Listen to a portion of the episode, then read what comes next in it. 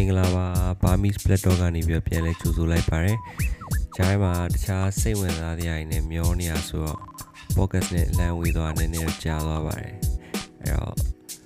ဒီ podcast လေးကိုနားထောင်ပေးတဲ့တကယ်ချင်းတွေအားလုံးကိုကျေးဇူးတင်ပါတယ်ပြီးတော့စောင့်ဆိုင်ရတဲ့အတွက်နည်းနည်း delay ဖြစ်သွားတဲ့အတွက် sorry ပါကျွန်တော်ဒီနေ့မှာတော့နောက်ထပ်စိတ်ဝင်စားစရာကောင်းတဲ့အစီအစဉ်တစ်ခုနဲ့ပြန်လဲပြီးတော့ရောက်ရှိလို့လာပါပြီပေါ့နော် အဲ့တော့ဒီနေ့မှာတော့အဲရုပ်ရှင်ဇာတ်ဝင်တီးများဆွဲကောင်းစဉ်နဲ့ပြန်လဲပြီးတော့တင်ဆက်ပေးသွားမှာဖြစ်ပါတယ်အဓိကရုပ်ရှင်ဇာတ်ဝင်တီးဆိုတော့ဟိုအားလာပါတာလာပါပေါ့နော်ကျွန်တော်လည်းရုပ်ရှင်ဇာတ်ဝင်တီးနဲ့ပတ်သက်ပြီးတော့အများကြီးတော့တည်ထားတော့မရှိဘူးဒါပေမဲ့အဲကျွန်တော်တည်သလောက်အဲကျွန်တော်စိတ်ဝင်စားစရာကောင်းတယ်လို့ထင်တဲ့အကြောင်းအရာတွေကို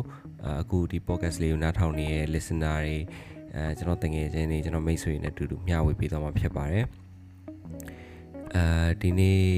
Burmese Black Dog အဲ episode number 8ပေါ့နော် episode 8ကိုရောက်ရှိလာပြီဆိုတော့အရှိမ episode 7အထိရောပြီးတော့ season 1တော့အလာဘာတာလာဘာ season မှာ music interview မှာအပေးခဲ့နားထောင်ပေးခဲ့တငယ်ချင်းတွေအားလုံးကိုကျေးဇူးတင်ပါတယ်လို့ပထမဆုံးပြောချင်ပါတယ် okay အဲ့တော့ ကျွန်တော်တို့ရဲ့ဒီနေ့ episode 8ရဲ့ခေါင်းစဉ်ရုပ်ရှင်ဇာတ်ဝင်တီးများဆိုတဲ့ခေါင်းစဉ်ကိုပြန်ပြီးတော့စဉ်းစားပြီးတော့ပြန်ပြီးတော့သွားလိုက်ကြရအောင်ပေါ့နော်အဲ့တော့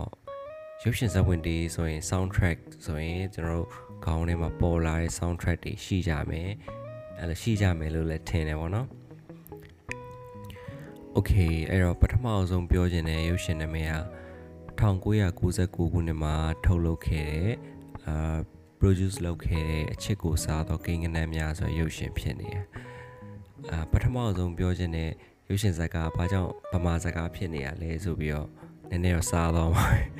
ဒါပေမဲ့အဲ့လိုပေါ့နော်1999ခုနှစ်ကရိုက်ခဲ့တဲ့ driver မီးဝါရိုက်တာပေါ့နော်သူရဲ့ရုပ်ရှင်ဇာတ်ကမှာအချစ်ကိုစားသောကိန်းကနန်းများဆိုရရုပ်ရှင်ဇာတ်ကလွင်မိုးရဲ့သူ့မောင်ရိုင်း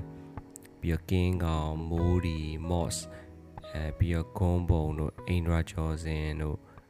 ပြီးတော့အေယာချစ်စရာခိုင်သင်းကြီးအဲ့လိုပေါ့နော်တရုပ်ဆောင်တွေအများကြီးပါဗျာ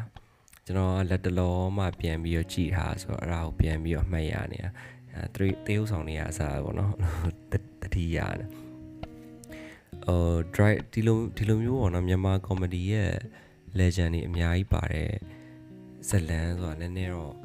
ရှားရပေါ့နော်။ဘာကြောင့်လဲဆိုတော့ဒီခေတ်ရုပ်ရှင်မြန်မာဇာတ်လမ်းရုပ်ရှင်တော်တော်များများအဲ့လိုအဲကောမဒီကောမဒီကိုပိုင်တဲ့သူတွေကိုနေရာပေးရနည်းနည်းလို့ထင်တယ်ကျွန်တော်တွေ့သမျှတော့တင်မလားယူလူရောက်နည်းနည်းလေးနဲ့ပဲရုပ်ရှင်ပြီးသွားရလဲအများကြီးရှိရလေနော်အဲ့တော့ဒီဇက်လန်ပြီးတော့1999ခုနှစ်မှာထွက်ခဲ့ရုပ်ရှင်ပေါ့နော်ဇက်လန်မဟုတ်တဲ့ရုပ်ရှင်ရုပ်ရှင်ဆိုတော့ အာစဉ်းစားကြည့်ရင်ကျွန်တော်က1999 99မဟုတ်99မှာမွေးတယ် sorry ကိုမွေးနေကိုမေးနေအဲ့တော့1999ခုနှစ်မှာမွေးတယ်69ခုနှစ်မှာရုပ်ရှင်ထွက်တယ်ဆိုတော့อืมကျွန်တော်နှစ်နှစ်သားလောက်မှထွက်တဲ့ရုပ်ရှင်ပေါ့နော်အဲ့ရုပ်ရှင်ကိုကျွန်တော်ကအဲကြည့်ဖို့ဘယ်လိုစိတ်ကူးရလဲဆိုတော့အဲ့ရုပ်ရှင်နာမည်ကိုကျွန်တော်ရုပ်ရှင် ဇက်ဝင်တီးမဟုတ်တဲ့ Red the Chain ကနေပဲစတည်ရအဲ soundtrack နာမည်ကအဲ့လိုပေါ့နော်ကျွန်တော်အရင်ဆုံးတိတိနေရပါတော့အဲရုပ်ရှင်နာမည်ကိုကျွန်တော်စပြီးတတိထားမိရစိုင်းတိုင်းခန့်လိုက်ရဲ့တချင်းစာသားပေါ့နော်အချစ်ကိုစားတော့ကိန်းကနန်းများဆိုရဲတချင်းစာသားပေါ့နော်အချစ်ကိုစားတော့ကိန်းကနန်းများရုပ်ရှင်ရုံတွေကအနွေရသည်လမ်းခွဲလာမသိအဲ့တချင်းထဲမှာကြားဦးတာ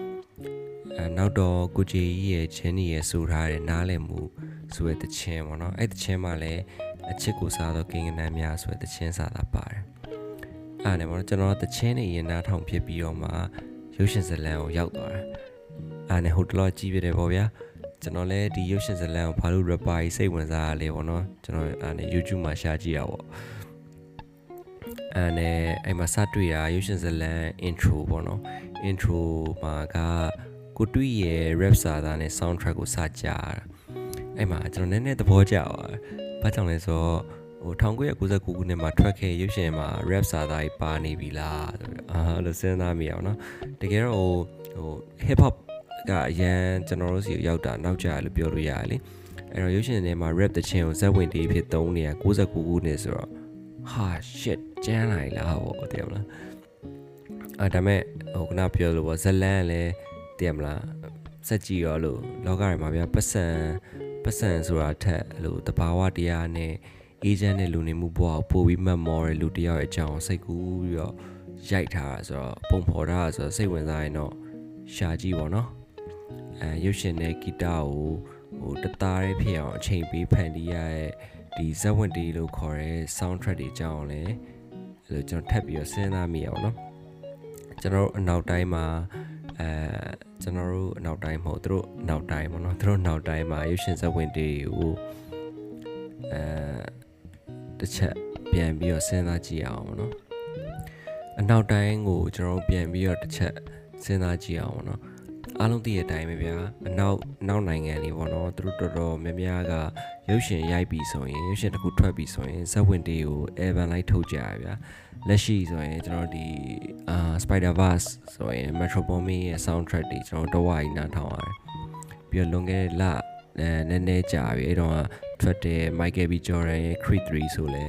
အဲ J Cole ရဲ့ဒီ Dream Valley Record label နဲ့တခွေထွက်တယ်အဲ Fast and Furious ဆို Suicide Squad တို့ပြပြောရင်တော့အများကြီးပဲအနောက်နိုင်ငံတွေရဲ့ရုပ်ရှင်ဇာတ်လမ်းတွေတော်တော်များများအဲ့လိုဇက်ဝင်ဒီ Evan တွေထွက်ကြပါတော့အဲ့လို Fast and Furious တွေက uh, See You Again တို့ uh, Suicide Squad တွေကတချင်းတွေဆိုရင်ကျွန်တော်ရုပ်ရှင်မထွက်ခင်တည်းကအာ online မှာပြန့်နေကြပြီဗျာအဲ့ဒါတွေကရုပ်ရှင်ရဲ့ဇက်ဝင်တီးတွေကအရေးပါတဲ့ခန်းကဏ္ဍကို ရည်ညွှန်းတယ်လို့ကျွန်တော်ပြောချင်တာဗျာကျွန်တော်တို့မြန်မာရုပ်ရှင်တွေမှာရောအဲ့လိုမျိုးရုပ်ရှင်ဇက်ဝင်တီးတွေနဲ့ရုပ်ရှင်တွေကိုလူလူကခံစားလို့ရအောင် public ကခံစားလို့ရအောင် promote လုပ်ကြလားကျွန်တော်ပြန်စဉ်းစားမိရအောင်အခုနောက်ပိုင်း media ကအဲ့လိုပေါ့နော် media interview တွေကအာတချင်းတချင်းတွေထပ်တောင်ပို့ပြီးတော့ဒီနိုင်ငံမှာ promotion လုပ်တဲ့ channel တွေဖြစ်နေဘယ်လိုပြောရမလဲဆိုတော့ အနောက်နိုင်ငံတွေမှာရုပ်ရှင်မထွက်ရင်သိရမလားတချင်း album တွေထုတ်တယ်အဲ့ album တွေနဲ့လူတွေစိတ်ဝင်စားအောင်အမှုပညာအမှုပညာနဲ့ပြန်ပြီးတော့ဆွဲခေါ်တယ်အဲထက်ဆင့်ခံစားလို့ရအောင်ဖန်တီးကြရတယ်ဒီနိုင်ငံမှာတော့အဲ့လိုရုပ်ရှင်ဆိုတာအများသောအားဖြင့်ကျွန်တော်တို့ Facebook က media တွေမှာတည်ရမလားရုပ်ရှင်ဇာတ်ဝင်ကန်းတွေကိုပြောပြရတယ်အဲ့ဒါတွေနဲ့သူတို့ promote လုပ်ကြရပါတော့အဲ့ဒါကြီးကကျွန်တော်ထင်တာတော့နည်းနည်းတော့အာတည်ရမလားမြန်မာ မြန်မာရုပ်ရှင်အတွက်မကောင်းဘူးเนาะကျွန်တော်လည်းတေချာတော့ရုပ်ရှင်ကိုရုပ်ရှင်နယ်ပယ်မှာတေချာသိရသူတယောက်တော့မဟုတ်ဘူးဗျာဒါပေမဲ့အဲ့ဒါကြီးကတော့ကျွန်တော်တို့အသိအဆင်မပြေဘူးခံစားရတယ်ဖြစ်နိုင်ရင်ပေါ့နော်ကျွန်တော်တို့မြန်မာရုပ်ရှင်တွေမှာအဲ့လိုရုပ်ရှင်ဇာတ်ဝင်တီးနေရုပ်ရှင်တွေကိုဒီ public က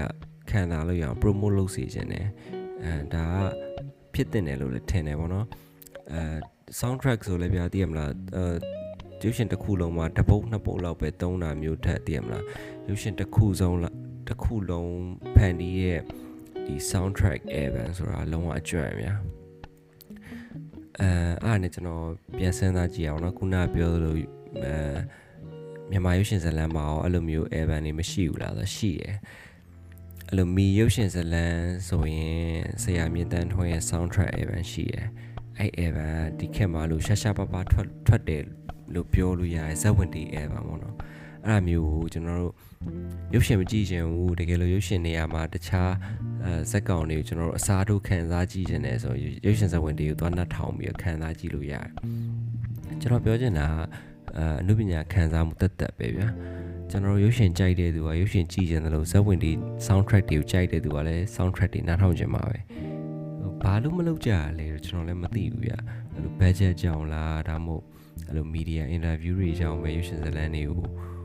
promote လုပ်ချင်တာလားတခုခုပေါ့နော်သူတို့မှလည်းသူတို့ရဲ့ ways တွေရှိမှာပေါ့အာဒီနေ့အဲ့လို soundtrack ဒီကြောင်းပြောတာတော့အဲ့လိုပေါ့နော်ကျွန်တော်လည်းရုပ်ရှင်ကြည့်ရင်တွေးတွေးလာတာအတွေးပေါ်လာတဲ့ဟာကိုပြောပြတာပါအဲပြီးတော့နောက်တစ်ခုကျွန်တော်ဘာတော့မြင်လဲဆိုတော့ကျွန်တော်နိုင်ငံရဲ့အဲ့လိုအမှုပညာ လုပ်ငန်းတွေပေါ့နော်အမှုပညာလုပ်ငန်းတွေကအဲပုံမှန်ပြန်မဖြစ်သေးဘူးအဲ့လိုအချိန်မှာတင်မလား media အများစုပေါ့ mainstream media လို့ပြောလို့ရတယ်အဲ့လို channel တွေအများစုကအဲ့လို content တွေ content ဖြစ်ရင်ပြီးရောဆိုတော့ promote လုပ်ကြရဗျာ promote လုပ်ကြတဲ့ခြားမှာကျွန်တော်တို့အဲ့လိုအရန်ဟိုဘယ်လိုပြောရမလဲလူကြိုက်များလောင်းမဲ့ content တွေနောက်ကိုလိုက်တဲ့အခါမှာတကယ်အနုပညာ အစစ်မှန်ကပျက်စီးသွားတယ်ဒါကမီဒီယာတိုင်းမှာနောက်နိုင်ငံတွေမှာလည်းရှိပါတယ်ဒါပေမဲ့ကျွန်တော်နိုင်ငံမှာနည်းနည်းပုံများတယ် side effect လည်းပုံများရပါတော့အဲ့တော့ကျွန်တော်အခုဒီနေ့ဆိုလဲ Facebook မှာဒီလို Facebook သုံးရင်းနဲ့ရုပ်တရက်ကြည့်မိอ่ะဟိုတလောကအဲ့လိုအားစားသမားတယောက်ပြကောင်မလေးတယောက်ပဲလို့စုတွေအများကြီးရတယ်ဆိုပြီးတော့ကျွန်တော်တို့တင်မလားအဲ့လိုသူနေရတဲ့အိမ်ကလည်းမကောင်းဘူးဆိုကျွန်တော်တွေ့ရတယ်တကယ်လဲစိတ်မကောင်းမိဘူးလို့ဝမ်းနေတယ် ဒီလိုအားစားသမားပြတော်တဲ့အားစားသမားများဆိုတာသိရမလားနိုင်ငံခြားမှာဆိုလို့စိန်စီပြီးတော့သိရမလားအိမ်ကိုစိန်စီထားလို့တော့ရအဲ့လိုမျိုးချမ်းသာချမ်းသာနေကြတာနိုင်ငံမှာအဲ့လိုဖြစ်နေရဆိုတော့အဲနေပယ်များစုမှာလည်းအဲ့လိုဖြစ်နေရပါပဲဒါပေမဲ့အဲ့လိုပေါ့နော်အားစားသမားတယောက်အနေနဲ့အဲ့လိုမဖြစ်တဲ့ဘူးလို့ထင်ဒါပေမဲ့နောက်ပိုင်းအဲ့လိုသိရမလားမီဒီယာတွေသူ့ကိုလို့တခြားလုပ်ငန်းတွေပေါ့နော်အဲ့လိုမျိုးစာဝန်တွေအတွက်သူဖြည့်ရှင်းရတယ်တူပါတယ်အဲ့လိုလေ ရုပ်ရှင်ရုပ်ရှင်မျိုးကြော်ညာရိုက်ခေါ်ရိုက်တာတော့ပါတော့သိရမလား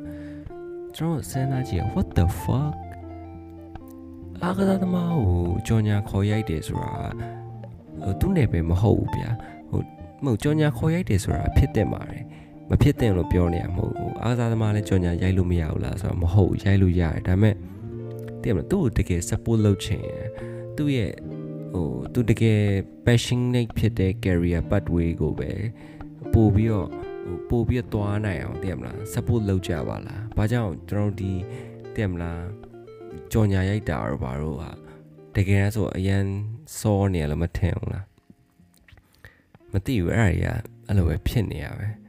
ကျွန်တော်စီမှာအဲ့လိုအဲ့လိုဖြစ်နေရတယ်မြင်နေရတာဟိုဘယ်လိုပြောရမလဲဘဝင်မကြောက်ဘူးเนาะစိတ်ထဲမှာဘဝင်မကြောက်အဲ့လို support လုပ်တယ်ဆိုတာသိရမလား ဟိုကိုကြိုက်တဲ့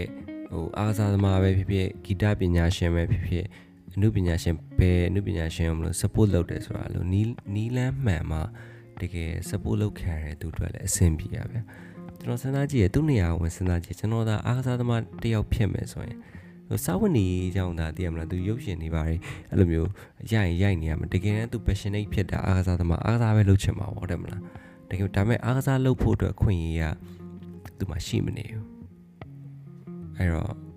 what the fuck တည်မလားသူကြိုက်တဲ့နယ်ပယ်ကိုစီမျောစီမျောခွင့်မရတော့သူတည်မလားအဆင်ပြေရဲ့နယ်ပယ်မှာပဲစီမျောစီမျောလိုက်ရတာပေါ့နော်အဲ့လိုလူတွေကျွန်တော်အများကြီးတွေ့ဘူးပဲပြီးဒီနိုင်ငံမှာကပိုဆိုးတာကအဲ့လို influence ပေါ့နော် media influence ကအဲ့လို Facebook လောက်ပဲလူတွေကအဲအများစုကတုံးကြတာဆိုတော့ Facebook ပေါ်မှာပေါ်လာတဲ့ training ဖြစ်လာတဲ့သူတွေကိုအဲ သူတို့ရဲ့ content ပေါက်အောင်သူတို့ရဲ့ engagement တွေအများကြီးအောင်တုံးကြတယ်အဲ့လိုဟာတွေကမရှိတဲ့တော့ကျွန်တော်တို့သိရမလားဒါတွေကိုကျွန်တော်တို့လစ်လူရှုလိုက်တင်ပြီအဲ့လိုထင်တယ်โอเคထားပါတော့ဇဝင်ဒီအကြောင်းပြောနေတယ်လို့ဆက်ဆက်တွေ့မိရအောင်ပြောမိရအဲ့တော့အဲ့တော့ကျွန်တော်နောက်တစ်ခုပြောချင်တာကဘာလဲဆိုတော့ အာကျွန်တော်ဒီ podcast နဲ့ပတ်သက်တဲ့အကြောင်းအရာတစ်ခုပေါ့နော်အဲကျွန်တော်တို့ဒီအရင်တော့အာလုပ်ခဲ့တဲ့